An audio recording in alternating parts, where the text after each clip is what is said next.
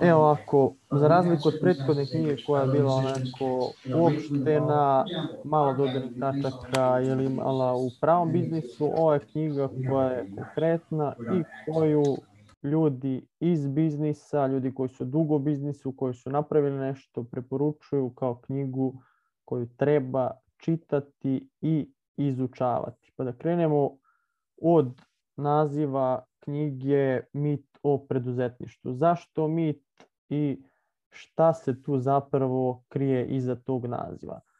Kad kažemo preduzetništvo, prva pretpostavka je da ljudi ulaze u preduzetništvo, rizikuju, pozajmljuju se da bi napravili neki profit.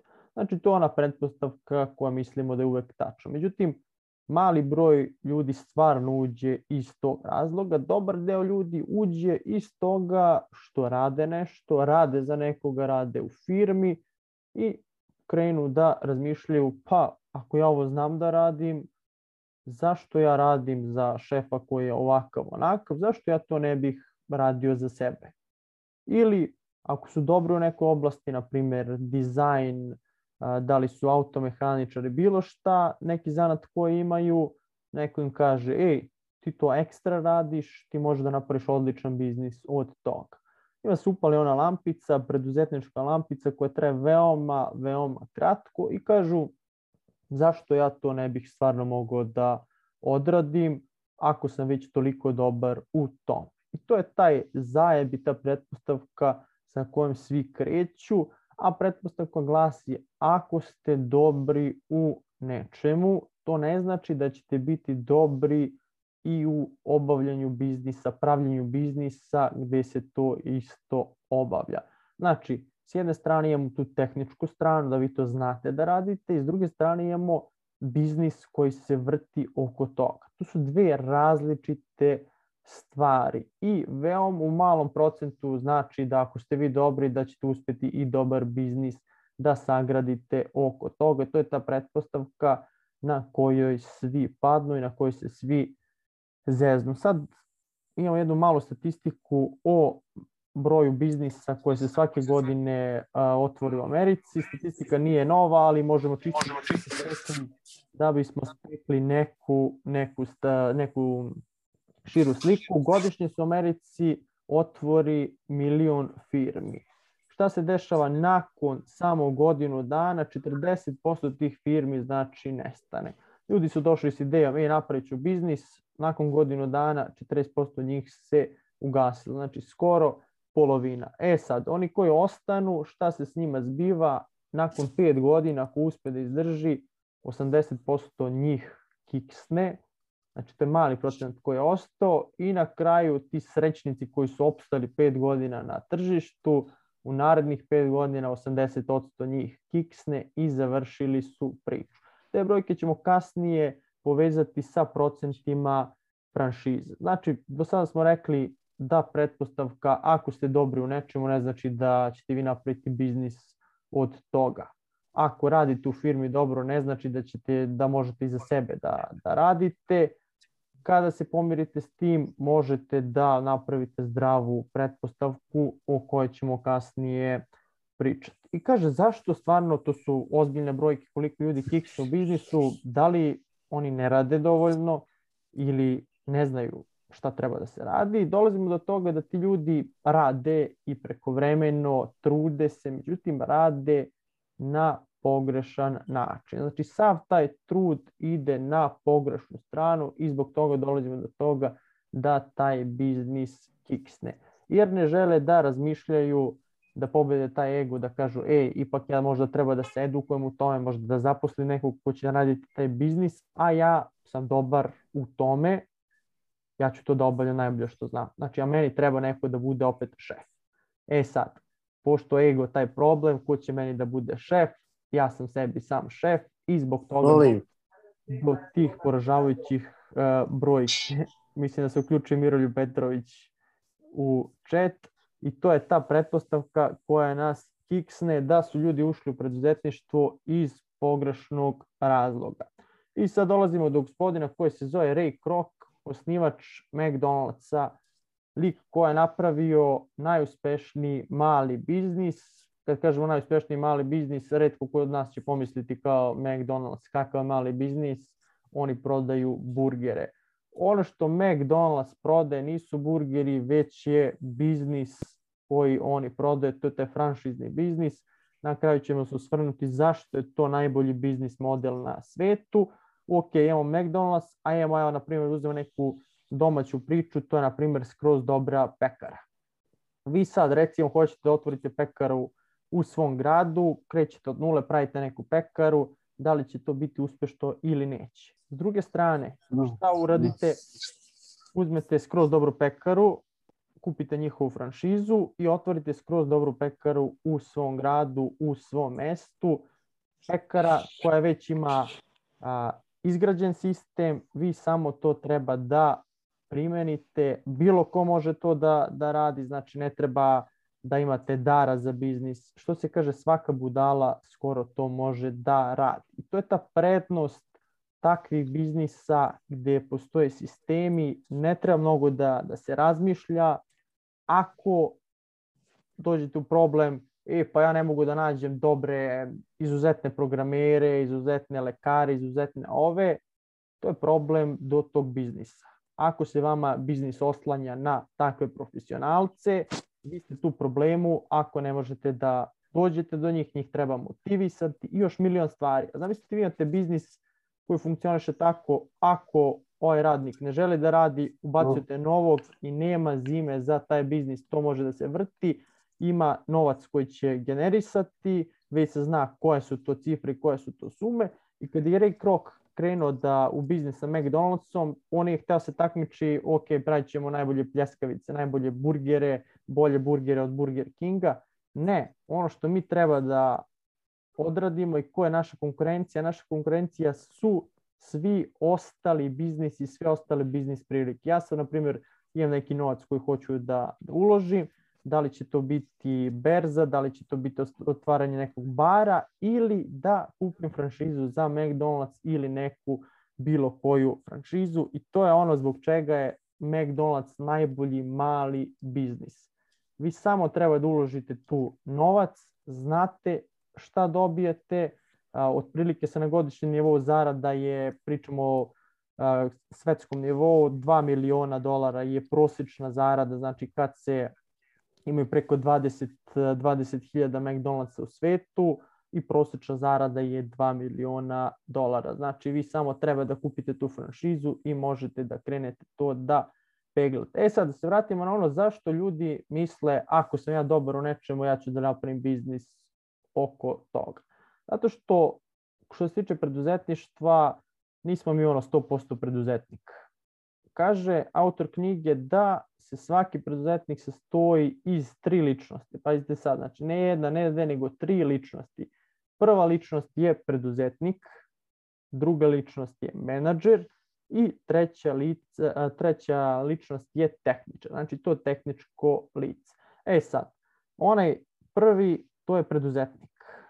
Kaže da svaki sadrži 10% preduzetnika. Preduzetnik je onaj koji sanja, onaj koji ima viziju, to je onaj Steve Jobs u vam, onaj ko zamišlja šta će biti u budućnosti, koliko će to veliko biti. Znači, to je svaka osoba, znači, to, ta, ta osoba nam treba u biznisu da bi taj biznis napravio nešto veliko. A, druga ličnost je menadžer koji gleda da sve to bude po PS-u, da se sve prati, da sve to bude pravilno. Njega imamo otprilike 20% i najveći deo ličnosti preduzetnika i tehničko lice, čak 70%. To je ona osoba koja kaže, ma daj ja ću to da odradim, ja to najbolje znam, pusti to, nemoj neko drugi da mi radi, ja ću to da radim uvoli da sedne i da pegla to. Znači, pusti ti sve ostalo, hoću ja da programiram, da dizajniram, da pravim pite, šta god da radim, hoću ja to da radim. I sad šta se dešava? Vi kad imate ono podvojnu ličnost, krenuli ste na dijetu, izgurali ste nekoliko dana na dijeti, trenirate i onda jedan dođe onaj trenutak kad se javi debljuca vama, kaže, man daj da pojedem neki burger, daj da pojedem, daj da preskočim jedan trening. I to je taj sukob koji imate u sebi između a, te zdrave osobe i tog debeljuce u vama koji hoće malo da zabušava vidite koji konflikt imate sa dve ličnosti. Zamislite kad imate tri ličnosti koje treba da menadžujete, a ne možete da odredite jednu dominantu. Kažete ja sam 100% preduzetnik, a hoću samo time da se bavim, da imam viziju, to jednostavno ne funkcioniše. Znači morate da napraviti neki konsenzus između ove tri ličnosti da one funkcionišu dobro, inače nema ništa od tog biznisa, a zašto nema? Zato što svaki biznis dođe, ima tri faze i u prvoj fazi, prva faza je naj, najlepša i zove se faza odrastanja. To je ona faza kad ste vi ušli u biznis, puni lana, znači idemo, pravimo biznis, sve je to super, sve je to lepo, sve se to planira i vi tu krećete da radite. Iako imate onu sreću da neki kisnete u prvi godinu ili u prvi godinu, dve, da ne kiksnete šta se dešava, biznis kreće da raste. I vi osjećate pritisak, znači to je sve super, ide ekstra, na, na nebu smo. Međutim, treba, ajmo malo to da proširimo. Znači, da ubacimo nekog da me odmeni, da mogu eventualno da odem na more, da neko radi te gluposti, da ne mora sve ja da radim i zaposlimo tu prvu osobu, prva osoba koja je s nama u biznisu i prebacujem, ajde ovo što sam ja radio, ajde ti to odradi, prebacujem drugu, treću stvar i vidimo da je nama super, prebacili smo, zatrpali smo tu osobu i već imamo slobodu, možemo da razmišljamo o odmoru, o slobodnom vremenu i biznis raste, raste, raste. I ta osoba više nije dovoljna. Znači moramo da zaposlimo još neku osobu. Ko zapošlja tu osobu, ta, taj naš drugi zaposleni kreće da šire taj tim i odjednom imamo tim, ne možemo da pohvatamo koliko je to ljudi, međutim šta se dešava? Iako imamo veliki tim, dešava se da kvalitet naše usluge ili našeg proizvoda opada, da se dešavaju greške. Odjednom se zapitam pa kako se sad dešavaju greške, šta je ovde problem, dođemo do toga da ti ljudi koji su zaposleni tu niti znaju zašto rade, ne vide neku svrhu, niste ih integrisali u sistem, jednostavno nisu se uklopili. Sad vi trošite vreme da njih motivišete, da li možete to uopšte da motivišete, vama se e, radi, vi hoćete da radite ili da odmarate i odjedno ste u toj konfuziji šta sad raditi, znači to nije više ono biznis koje ono može da funkcioniše ili ne, već imate razvijen ceo sistem, to jest imate razvijen biznis i ti problemi koji se tu javljaju uopšte nisu naivni problemi koji imate kad imate jednog klijenta. Zamislite imate sad 5, 10 klijenata s kojima imate ugovore i kreću tu da se dešavaju problemi. Znači nije to ono, ej, kao pa završili smo s jednim klijentom. Ne, vi imate ceo biznis koji je na slabim nogama. I šta se tu dešava? Tu se dešava da mora neka korenita promena da se pravi. Znači kad ste u toj fazi da ste već izgradili nešto, da se to klima, da ne možete pohvatati konci, imamo tri neka rešenja koje predlaže autora, to je prvo da se vratimo na prvi nivo, to je da postanemo ponovo mali. Kad kažem ponovo mali, to je da smanjimo biznis ako imamo 30 klijenata, da to spustimo na nivo od 5 klijenata, gde možemo već da pohvatamo konce, da uđemo u tu strukturu, jer to generalno i sami možemo da kontrolišemo. To je prva stvar. A, druga stvar, šta se dešava ako ne želimo da postanemo mali, imamo opciju da bankrotiramo, znači da ugasimo tu priču i da kažemo ok, krenut ćemo iz početka ili sa nekim drugim biznisom i na kraju imamo fazu da se pravimo da se ništa ne dešava i da pokušamo da hvatamo te konce koliko je to moguće, a generalno nije moguće iz takvih sistema da, to jest gde nema sistema u takvim biznisima, da se takav biznis oporavi i dobar deo tih biznisa na kraju kiksne. Tu su neke tri faze biznisa, kažem, onih biznisa koji preskoče sve one faze i uspeju do kraja. Međutim, kaže autor knjige da je najuspešniji biznis onaj mali biznis McDonald's, a revolucija u svetu biznisa se zove ključ u ruke. Šta znači ključ u ruke? Ako smo rekli da na kraju veoma mali procenat od tih milion uspe, procenat uspeha sistema ključ u ruke ili franšiznog biznisa je 95%. Znači samo onih 5% ljudi kiksne. Kad pogledate koja je to razlika, to je nebo, zemlja razlika i ajmo da vidimo zašto onih koliko 700.000 ljudi kiksne, 800.000 ljudi kiksne svoj biznis, a zašto ovamo samo 5% kiksne? Nešto očigledno znaju ili nešto postoji što pravi tu drastičnu razliku. Ajmo da imamo šta je to. To je taj sistem ključ u ruke gde vi imate sve definisano. Kao što sam rekao, vi odete, kupite od McDonald'sa, od skroz dobre pekare ili od bilo kog drugog biznisa, kupite njihovu franšizu. Oni vam daju brand, daju vam znači McDonald's, daju vam sistem, daju vam sve moguće što treba da se definiše za taj biznis, znači od uniforme koristi se ovo, nema mnogo razmišljanja tu, znači imate sve na papiru, imate sve u obuci, svaki korak, znači da može i malo dete, bilo ko da obavlja te funkcije. Kad je sve tako definisano, imamo sve definisano, tu nema mesta za greške. Greške se javljaju kada zaposlite nekog, pa on ima mogućnost da, da bira kako će ovde reagovati, šta ja sad da radim, da li to treba ovako, ophođenje sa klijentom. Jedno bude ovako, drugi put bude ovako. Navodi primer, jedan zanimljiv primer frizera.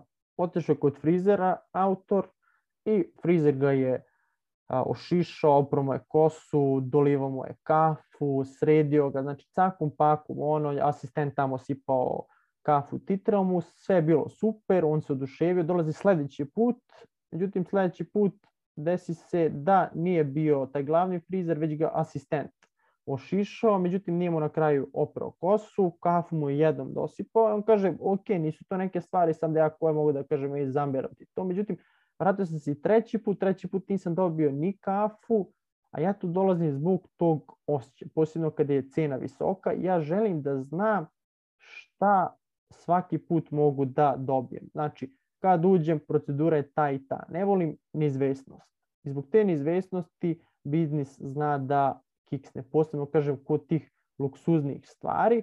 Kod McDonald'sa i kod franšiznog biznisa nema toga. Možete vidjeti da li a, u Beogradu ili u Hong Kongu ili ne znam u Indiji svaki taj McDonald's ima slične principe, to je gotovo identične principe kako vas usluže ovde, tako će vas uslužiti tamo, a, tako će vas pitati da li želite bonfrit Coca-Cola, to je taj sistem koji je svuda primenjiv i jedino što treba da uradite samo da ga, da ga primenite, evo gospodine, nemaš tu mnogo da, da razmišljaš, jer kod tog razmišljanja a, javi se milion stvari i milion stvari može da kiksne. Kada ostavimo ljudima izbor, evo ti napravi jedan izbor, ja ću drugi da napravim izbor, na kraju neko od nas će da kiksne da napravi pogrešan izbor. Ako se biznis bazira na tim našim izborima, očigledno će i biznis tu trpeti.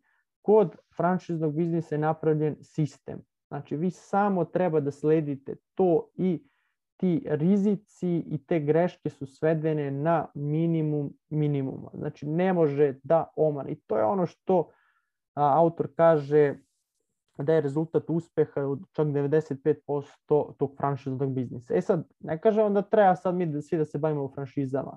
Ne, treba da uzmemo ono najbolje iz tog franšiznog biznisa i da primenimo na našem biznisu. Šta god to radili, da možemo da istupimo iz tog biznisa, da prepustimo nekom drugom. Postoji jedna takođe odlična knjiga, veoma kratka, nisu je preveli kod nas, zove se Build to Sell, napravio biznis da bi ga prodao. Znači ti da bi izašao iz tog biznisa da bi prodao, da bi napravio tu neku kintu, najveća kinta se napravi naravno kad prodaš biznis, od plate se ne može napraviti a, veliki, veliki novac i sad da bi ti to prodao, ti moraš to nekome da daš i onda funkcioniše isto kao kad si ti bio. I sad, ako tvoj biznis ceo zavisi od tebe, znači da si ti biznis, da si ti radno mesto, to ne može da se proda. Jer to što tebi funkcioniše, ja sad ako kupim to od tebe, to kod mene neće funkcionisati zato što ti znaš kako se ovo radi, ti znaš kako se ovo radi, ti ovo radiš na svoj način, ovde možda i nemaš način i to nije biznis koji može da se proda. Da bi biznis bio uspešan, da bi mogo da se proda, on mora da ima izgrađen sistem. Kažem izgrađen sistem, sve što postoji, svaka vaša znači odluka, mora da bude definisana kao programeri kad pišu dokumentaciju za programe, isto tako biznis treba da ima svoju dokumentaciju. Znači, ako imamo prodavce u timu koji obavljaju prodaju, ja hoću da ubacim novog čoveka tu, da ima sve napismeno i da može za par dana da uđe u priču i da radi isto to što su oni radili. A ne da bude sistem ubacili smo prodavca, ali ovaj bolje radi zato što on ima neke tamo cake. Ne, tu nema caka. Hoću svi da rade po ovom najuspešnijem šablonu, da ja mogu sutra da ubacim još 10 ljudi, da mi ne treba godinu dana da ih obučim, već da mi treba par dana da oni uđu u priču, imaju skriptu, skriptu kako naći klijenta, šta treba da rade, a kako se vodi komunikacija s klijentom, to isto dohvatio se primjera prodaje, to isto se primenjuje na sve ostale, od kreiranja sadržaja a, do financija. Svaki segment vašeg biznisa mora da bude dokumentovan i da se vidi da li svaki put to ide na taj način ili imate čak ono pa ja ga pozovem pa sad ovde malo razmišljam, ne znam šta da mu kažem, takvih perioda ne sme da ima. Znači mora sve da bude po PS-u dokumentovano i onda da se prati. I sad, autor kaže da bi se taj biznis razbio, postoje tri neke stavke, a jedna od tih stavki je inovacija. Šta kaže, koja je razlika između inovacije i kreativnosti?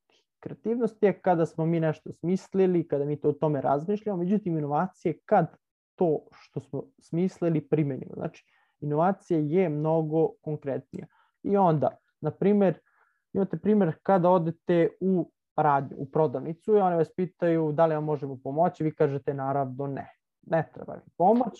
Međutim, šta se dešava, pozdrav ljudima koji su se sad uključili, šta se, šta se dešava kada uđete u radnju i radnica vas pita da li ste prvi put kod nas. Vi kažete jesam ili nisam. Ako kažete jesam, prvi put sam kod vas, o, odlično, a, imamo kupon popust za ljude koji su prvi put kod nas. Znači imate popust, ako kažete nisam prvi put, o, pa onda imamo kupon za ljude koji su već naši stalni posetioci. Vi već na tom on navode neke primere da se poveća profit firmi gde su to patentirali za oko 20% se poveća taj profit i to možemo da smatramo kao neku inovaciju. Šta da unapredimo u našem biznisu, što će dovesti do, do porasta naše prodaje, do rasta broja kupaca, i to je primer inovacije. Međutim, sledeća stvar mora da bude da se izmeri učinak te inovacije, da vidimo da li inovacija dobra ili nije. Ne može svaka inovacija da doprinese takvom rastu. I mi imamo sad spisak inovacija, evo hoćemo to, hoćemo da promenimo odela, na primjer, prodavcima, hoćemo da izmenimo to, to i to. To su sve stvari koje mi hoćemo da inoviramo. I sad ajmo da vidimo šta tu funkcioniše. To možemo da znamo tek kada smo sve to ispitali u praksi i kada smo izmerili da li funkcioniše i na kraju ono što funkcioniše to moramo da ugradimo u naš biznis. Znači da to ne bude nekad se koristi, nekad ne. Ako to funkcioniše, to mora da bude sastavni deo našeg biznisa, kao kad stvaramo navike. Znači to je prešlo u naviku i to nema, nema više priče o tome to je, to je neki način kako implementirati te inovacije. Još neke od zanimljivih stvari, autor navodi sisteme. Koje svi sistemi postoje, a koji se mogu implementirati u biznisu, to su čvrsti, meki i informacioni sistem. Ukratko, čvrsti sistemi su, na primjer, hardware koji koristite, oprema i sve što može da se opipa. Meki sistemi su način na koji vi prodajete. I sad kad dođemo do toga, pa ja nemam sistem, ja pozovem kupca, pa krećem neku priču s njim, pa ne znam, možda završim vama, možda vamo, to na primjer nije sistem. Međutim, ako vi imate sistem, znači zna se, pozove se klijent, zakaže se sledeći sastanak, sledećem sastanku a, dođe prodavac, a, on ga tu uveri i na kraju imamo taj završni sastanak gde se to potpisuje i to je neki sistem koji se primenjuje svaki put, ponavljamo taj sistem, napravljen, to je meki sistem i to sve imamo dokumentovano i na kraju imamo taj informacijni sistem to su podaci koje vi imate o vašim klijentima, vaše brojke, vaši rezultati, sve ono što možemo da stavimo u te brojke i podatke, a znači nam kasnije da možemo da unapredimo biznis ljudi generalno kod nas nemaju uopšte tu svest koliko je važno da se skupljaju te informacije o klijentima. Ja kažem ljudima, čak i ako ne koristite e-mail listu, a radite biznis, počnite da gradite tu e-mail listu. Desilo mi se jednom da javlja se devojka, ima biznis, prode garderobe preko Instagrama, stranica neka naravno 50.000 ljudi, ekstra ide biznis, međutim šta se desi, njima hakuju taj profil i ona izgubi taj profil. Znači nema nikakav backup, jedino što je mogla da se izvadi je iz Post Expressa, iz njihove baze izvadila sve podatke kome je slala i mogle te ljude da obavesti čisto da su je hakovali profil, da ne, ako šalju neke poruke s njihovog profila, znači da to nije ona i mogle da nastavi neku saradnju sa tim kupcima. Znači jedino to je ona stvar koja je izvadila, inače bi bilo ono, ugasili smo ceo biznis samo iz tog razloga. Onda je važno da sakupljate e-mail adrese, da sakupljate brojeve telefona, sve podatke koje kasnije možete koristiti za razvoj vašeg biznisa. To je ona stavka koja jedna i od najbitnijih. Ljudi kažu ono, društvene mreže nisu vaše vlasništvo, što jeste tačno. Jedina stvar ono koju posjedujete taj mail od vašeg klijenta i ta komunikacija koju imate sa njim preko e-maila ili preko telefona.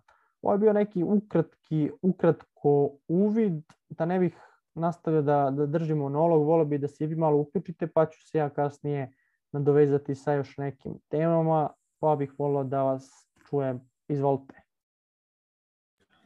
Sve si rekao, nemamo, nemamo mi šta da kažem. Au bre, sad i ti. Šta, šta se tebi svidelo, šta se vide onako kao nešto što možeš da primeniš, šta ti je promenilo mišljenje, šta ne valja? Pa, evo, pazi, danas sam bio da kupim, ovo, ovo iz ugla korisnika, Korisnika, pričam. Aha.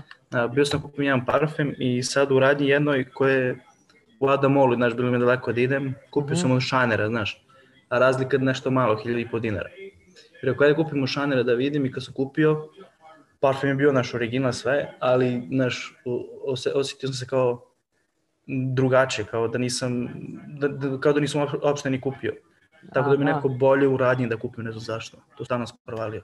E pa to, to je taj osjećaj, to je ono što, što kažu, znaš, ti ćeš da kupiš, ne znam, preko neta, kupit ćeš i, i parfem i ovo i tehniku, sve, ali nećeš kupiti, znaš šta, Rolex.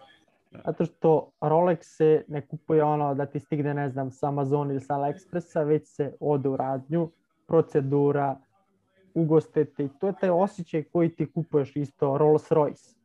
Ko je čar da ga ti kupiš da ti stigne ispred kuće ono, da odeš u salon, da osjetiš, da, da vidiš taj feeling i to ono što kažu, sve će ono, moće se kupiti preko neta, jedino Rolex će ono, nikad neće izaći iz mode da, da se ode u radnju da se kupi. To je taj doživlje, to, to što ti kažeš, ono, odeš pa pomirišeš, pa biraš, pa imaš kao problem šta da odaberem, ono, ceo taj doživljaj i onda samo kupiš, stigne ti na, na ruke nekako, fali taj osjećaj. Da, da, baš tako. Šta imaš još da, da ti je zanimljivo? E, pa sad ovako, da sročim, ne znam, ali vodio sam beleške, tako da Pa to, to, daj Samo da se- vadi. mm, pa, mm, možda me pitaš pa da ti kažem, ne znam baš sad tačno E, čemu pa bih ti pričao. ni, nismo u školi, ono, Nismo se zove. E, to mi navika, znaš, mogu da ti pričam kad me pitaš, a ovako da pričam sam, To, to, teško. kako ti se svidio onaj deo gde, gde priča ono da pored toga razvoja biznisa moramo da imamo i sliku kako naš život treba da izgleda u odnosu Da, da, da, pa to je najbitnije, kako što kažem, da je naš biznis ogledalo nas. I to moramo da vidimo gde sebe vidimo u budućnosti i, i time da se bavimo i time da se rukovodimo.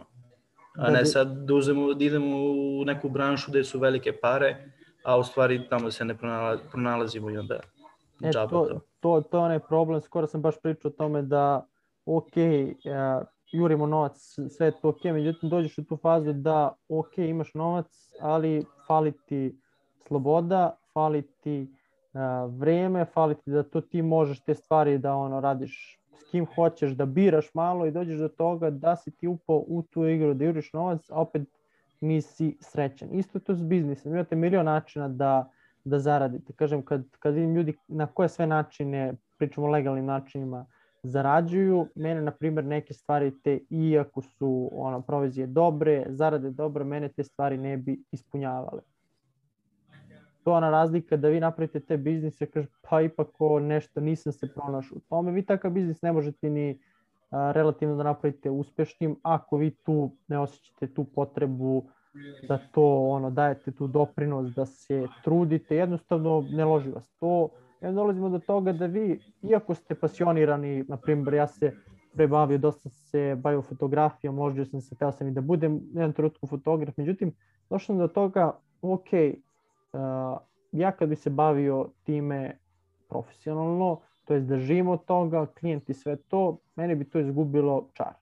Ja fotografiju volim za, dok ja mogu da radim to šta hoću. Znači ono umetnička strana, tu se ne zarađuje od umetničke strane, već se zarađuje od tehničke strane. Znači klijent dođe i kaže hoću da, nas, da napraviš fotografije ovako. Iako se meni nasviđa, ako hoćeš da zaradiš, treba da napraviš po nalogu klijenta takve fotografije. To je ono gde, gde se gubi ta čar, ako se tu naravno ne napravi biznis da vi možete da izađete iz toga, da sagledate celu situaciju, a ne da ono vama kažu, ej, ovaj stranje, hoću da radiš ovako i vi dođete do trenutka kad vas više to ne ispunjava. Iako ste vi ono pasionirani fotograf, ne znam šta, neki tehničar, koji pa mene ovo više ne, ne ispunjava. Zato što kaže, čak i one stvari koje ti ubožavaš da radiš, ako nemaš kontrolu, nemaš slobodu, znači nemaš slobodu da biraš kada ćeš to da radiš, a, da biraš s kim ćeš da radiš i kako ćeš to da radiš, ti isto ti je kao da radiš stvari koje ti ne voliš. U jednoj knjizi koja je psihologije novca, baš autor priča, završio je, ložio se na bankarstvo, završio bankarsku akademiju, ispunjavalo ga je to, još je dobio praksu veoma rano nakon ne znam, prve, druge godine fakulteta, dobio u, mislim, Chase Bank, nebitno koja je banka, međutim, to je upu sistem gde se radi ceo dan. Znači, sistem a, veoma malo on ima šta tu da, da odlučuje, nema mesta za inovacije, i on je došao do toga da nema nikakvu slobodu, da iako je zaljubljen u to bankarstvo, on je tu skoro ono zamrzeo tu stvar i onda je izašao iz te priče i onda kaže to, ako ti nemaš tu mogućnost bar neke te privredne slobode, ti to nećeš voleti da, da radiš. I čak ono i gde si bio pasioniran, zaljubljen, to neće, neće imati smisla kako ti se Marko svidio onaj deo onih sedam, sedam stavki koje navodi? Pa ono, o primarnom cilju i to, tako? Da, da. E pa to je odlično, ono, bez primarnog cilja mi ne možemo ništa da, da započnemo, zato ako imamo svoj primarni cilj i znamo ka čemu idemo, mi ćemo svakim, svaki korak šta god da radimo iće, ićemo ka tom cilju, tako da je to odlično. I onda imamo ti kao strateški cilj beše da to je, da, da, da, moramo, moramo nekako da se organizujemo i da imamo neku strategiju kako, bi, kako, kako da ostvarimo taj cilj. Tako da su mu, da, da, to su mu opasne stvari, to je dobro napisao.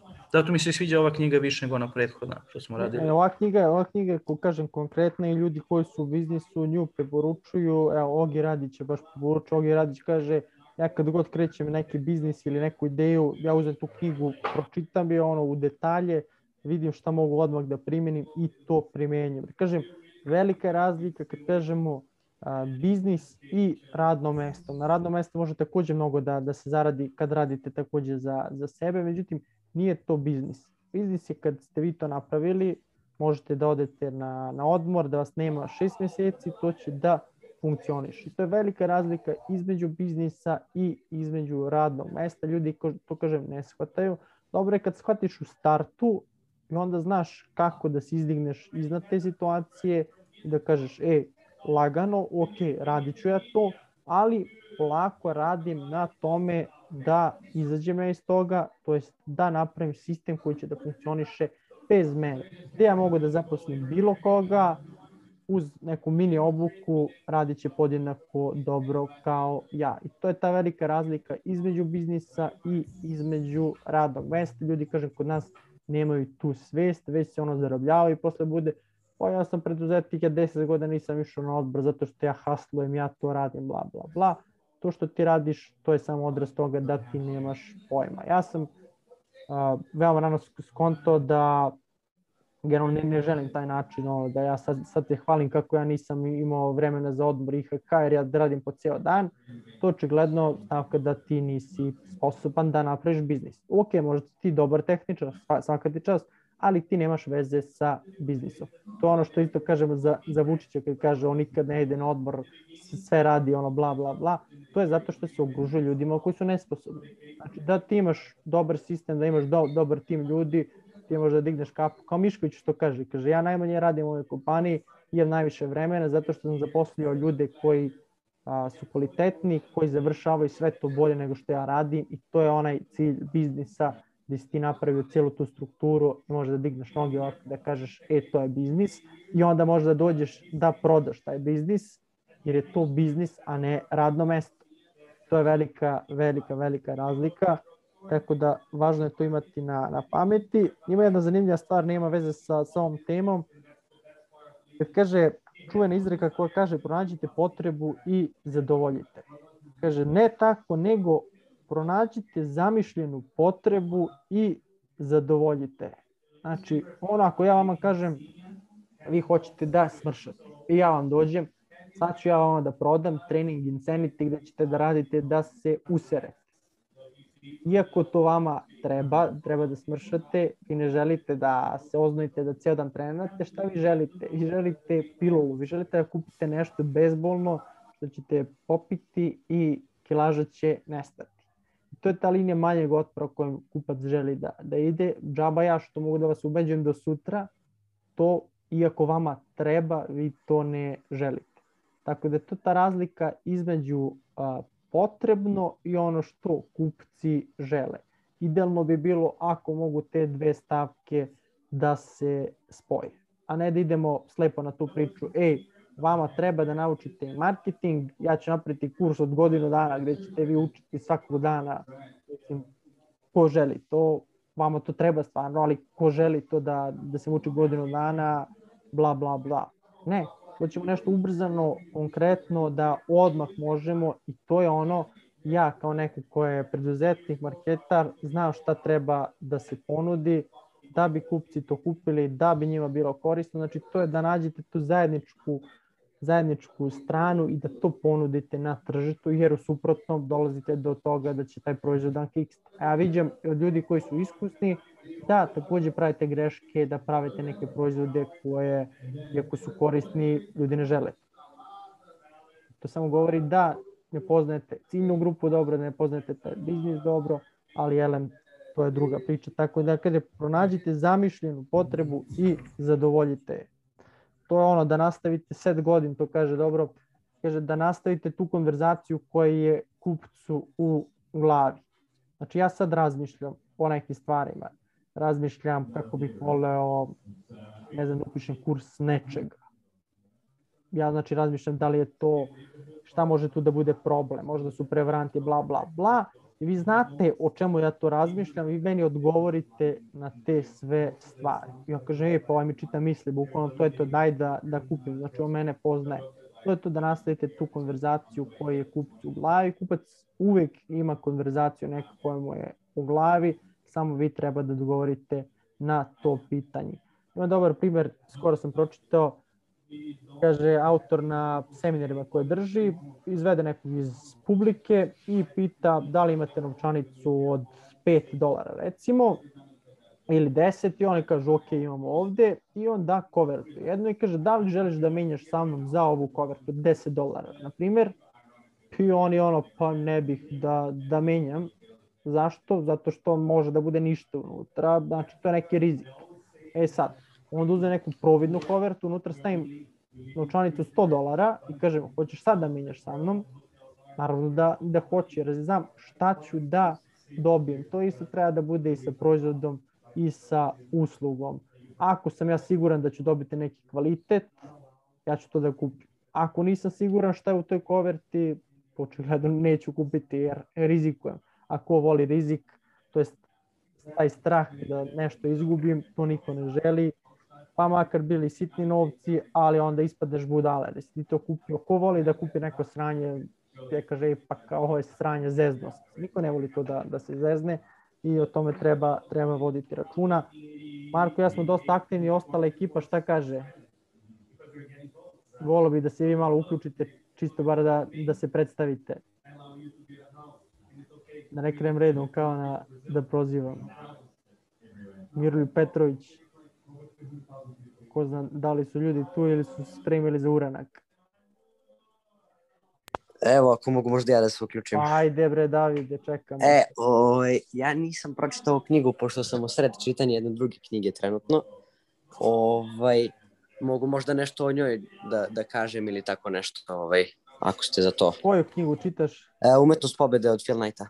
O, pa dobro, i to je dobra knjiga. Ajde prvo, kako se zove, bar, jesi slušao ovaj razgovor, nešto? E, da, da, slušam od početka skoro. Jel si Mislim- uhvatio, jesi uhvatio nešto, nešto što ti je nejasno? U suštini ne, do, prvenstveno sam ušao da bi čuo nešto novo u suštini, baš zato što nisam pročitao knjigu. U planu mi je da je pročitam u nekom narednom periodu posle ove knjige, verovatno. Ovaj, tako da ću onda, da kažem, malo temeljnije preći to, ali slušao sam ovaj razgovor sada. A kako ti se dopada umetnost pobede? Pa dosta mi se sviđa zato što se vidi uh, ceo uh, put, da kažem, od samog početka uh, razvijanja brenda, pa sve do kraja. Ovaj, ako je temeljno određena tema i vide se i, i usponi i padovi i, i kako, da kažem, ne odustaje sam o, o, ovaj Phil uh, u, da kažem, u, nje, u njegovoj želji da napreduje i da ostvari njegove ciljeve u ostvarivanju firme, odnosno u prav, pravljenju firme, da kažem. To je, to je jedna od boljih, boljih autobiografija, posebno iz oblasti biznisa. I čak u tim autobiografijama se više nauči, Zna- autobiografijama se više nauči nego u nekim knjigama koje se uče o biznisu kroz neku priču i suvu teoriju. Tako da ko nije pročitao knjigu Phil Knighta, jedna od najboljih autobiografija iz oblasti biznisa.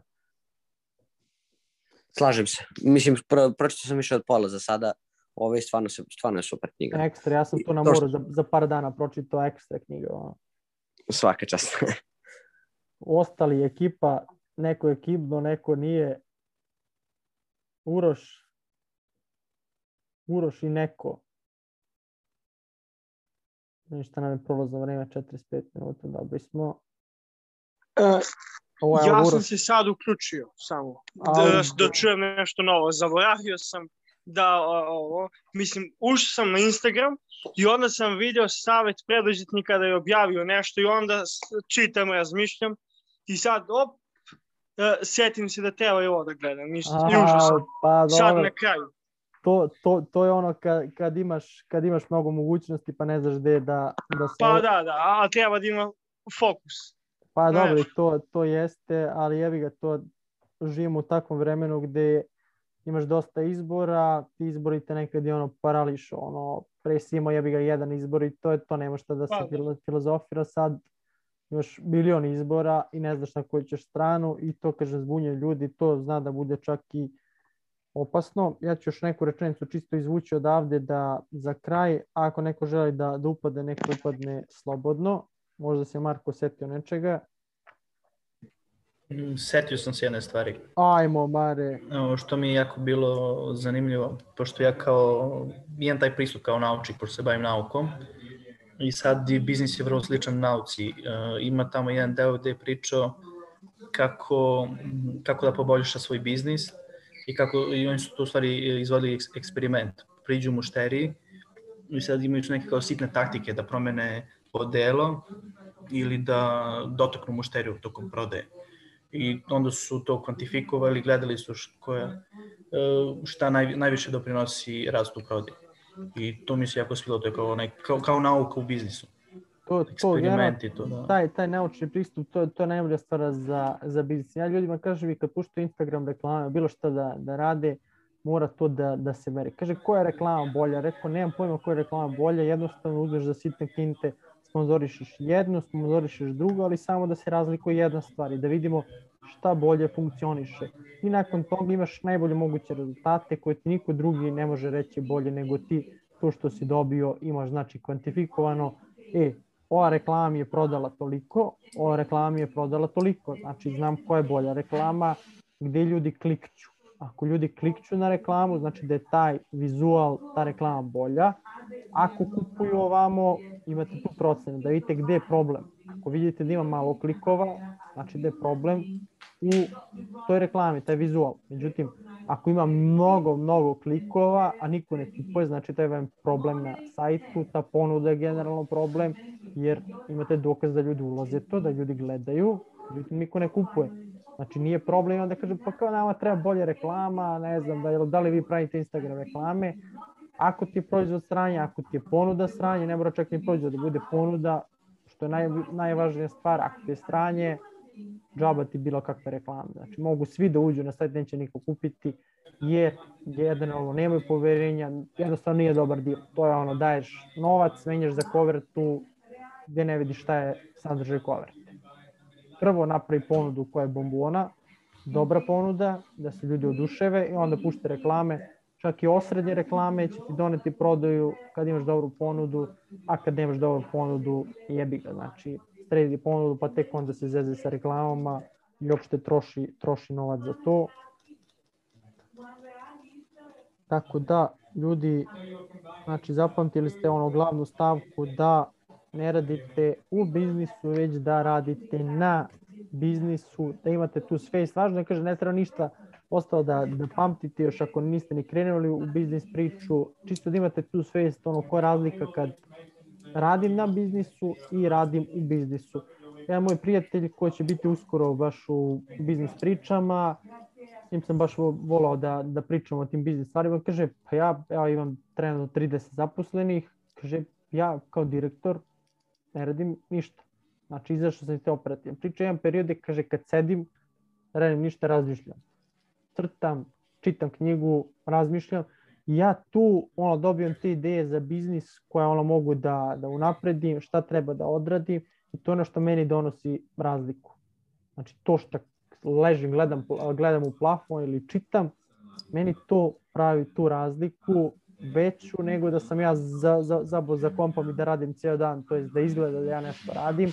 Ne, tu ja ne dobijam kintu. Znači ja dobijam ako sam izvan biznisa, moram da razmišljam kako taj biznis u 30 ljudi funkcioniše, kako uvlači klijente, kako izbacuje klijente, kako a, novac, a, cash flow, kako funkcioniše, znači u sitnim stvarima, znači sistema ja moram da razmišljam i vidim kako šta funkcioniše. To je taj jedna knjiga koju nisam, nisam pročitao baš Marko, zove se Scientific Proven Marketing, bla bla bla, šibno ti baš, a govori Šibni baš u tom delu da se s naučne strane i prate podaci u marketingu i da se ceo taj pristup malo više kvantifikuje. Čini mi se nekom je skoro pustio da su je preveli kod nas neka mala knjiga, mislim na 120 strana, tako da što da ne možda bude neka od sledećih, sledećih knjiga. Dakle, da ljudi, ko nije pročitao knjigu, knjiga je odlična, kupite je iz razloga što možete da se vraćate kad god, ja sam znači žvrljao i žvrljao, ono, još malo će da, da se raspadne, ali knjige tome i služe. I za kraj hoću baš da vam kažem ovu stavku, a uklapa se ovo priču što sam rekao da knjige tome i služe, gde kaže, samo trenutak, da kaže kada čuješ nešto, ti ćeš to zaboraviti Kada vidiš nešto, ti ćeš se toga setiti. A tek kada primjeniš to, ti ćeš to znati stvarno. Znači, ono sve priča, čuo sam, video sam, a ja to znam, to nije to. Evo, kada čuješ nešto, ti ćeš to zaboraviti. Kada vidiš nešto, ti ćeš se toga setiti, ali sve dok nešto ne učiniš, ti to nećeš razumeti. Znači sve ostalo, prazna priča, odgledao sam kurs, pročitao sam knjigu, a ti to nisi seo da, da primeniš, to je sve ostalo bulja. Postoje ne problem, kažem, ljudi ne osjećaju se sposobno, očekuju da pročitaju još jednu knjigu, još jedan kurs, kao da budu spremni kad budu krenuli. Međutim, šta se dešava? To što ste naučili u vašem slučaju će biti totalno različito. I tek kad uđete u priču, vi ćete skontati kako stvari funkcionišu. Onda imate taj pristup gde vi uđete u nešto, bukvalno ono, zalepite se i tu kako primenjujete, pročitate knjigu, ono, ali ste vi već ušli u priču i vi već to se možete da, da primenite. Kiksnu, ok, nešto niste znali, kiksnuli ste, nema veze, naučit ću, ali je važno da ste vi već ušli u priču, a ne da se sad da školujete, da pročitate 10 knjiga, da pročitate ovo, a da niste napravili ni korak. Znači, to jednostavno ne funkcioniše, bolje da upadnete grlom u jagode, pa onda da se tu na tom putu ispravljate, nego da vi to čitate, da ništa niste primenili, to je, kažem, taj pristup veoma loš i samo to ako primenite naprećete bolje rezultate od 95% ljudi koji idu tim putem. Tako da ako imate nešto za kraj, vole bi da, da vas čujem.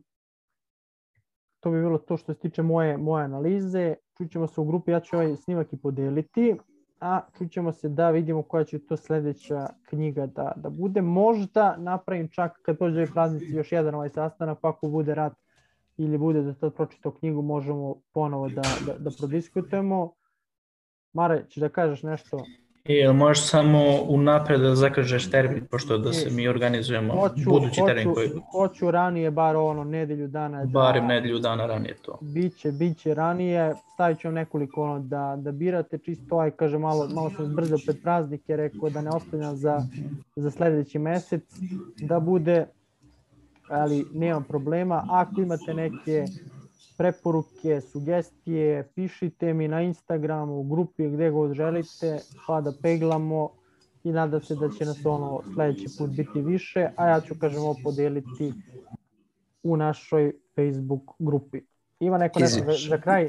I imam ja još jedno pitanje, a Ajmo. opet nije vezano za knjigu, ako nije problem. Ajde. Ovaj, pitanje je e, na koji način, odnosno koji način je po tebi najbolji za e, prover tržišta pri, za prodavanje nekih proizvoda? Kao test za tržište.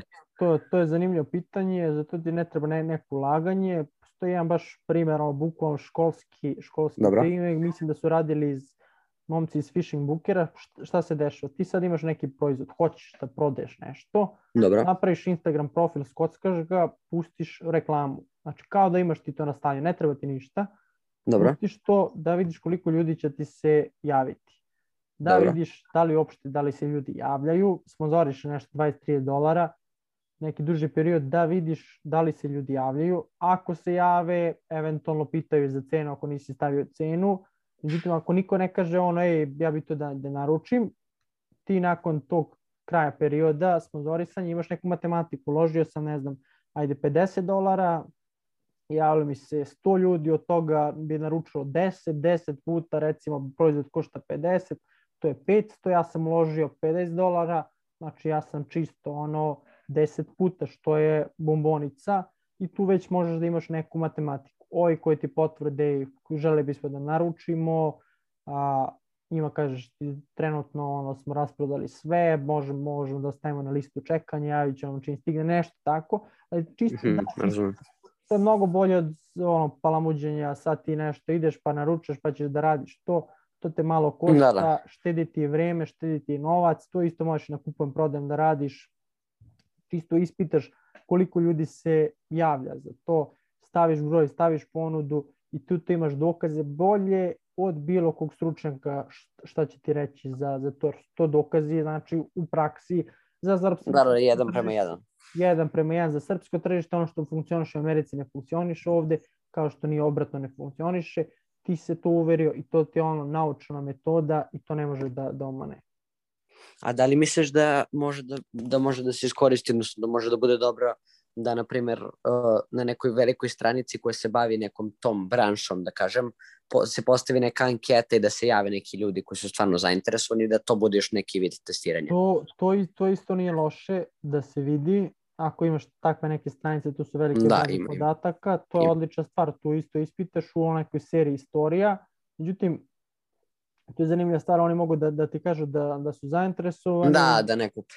da, da ne kupe i to, kažem, razlika može da bude ono, tipa da se previ od 100%, po- 100% ljudi da na kraju kupi samo 5% ljudi, znači što se Razumem. dešava, ono, što kod u marketingu se ništa ne dešava dok ne dođe do, do te prodaje, tako da je to ono, najgenijalnija stvar, da se vidi uopšte ko je tu spreman za prodaju, ali kažem, to je dodatni benefit da se vidi na toj stranici koliko ljudi je zainteresovano. Da, dobro. Hvala puno na odgovorima. Nema, nema na čemu. Ljudi, uh, vidimo se u sledećem terminu. Kažem, pišite mi na Instagramu pitanja i sugestije, a ja ću ovo šerovati u grupi. Hvala što ste bili, uživajte srećni praznici, pa smo na vezi. Hvala, vidimo se, ćao. Hvala, Pozdrav. kako Ćao.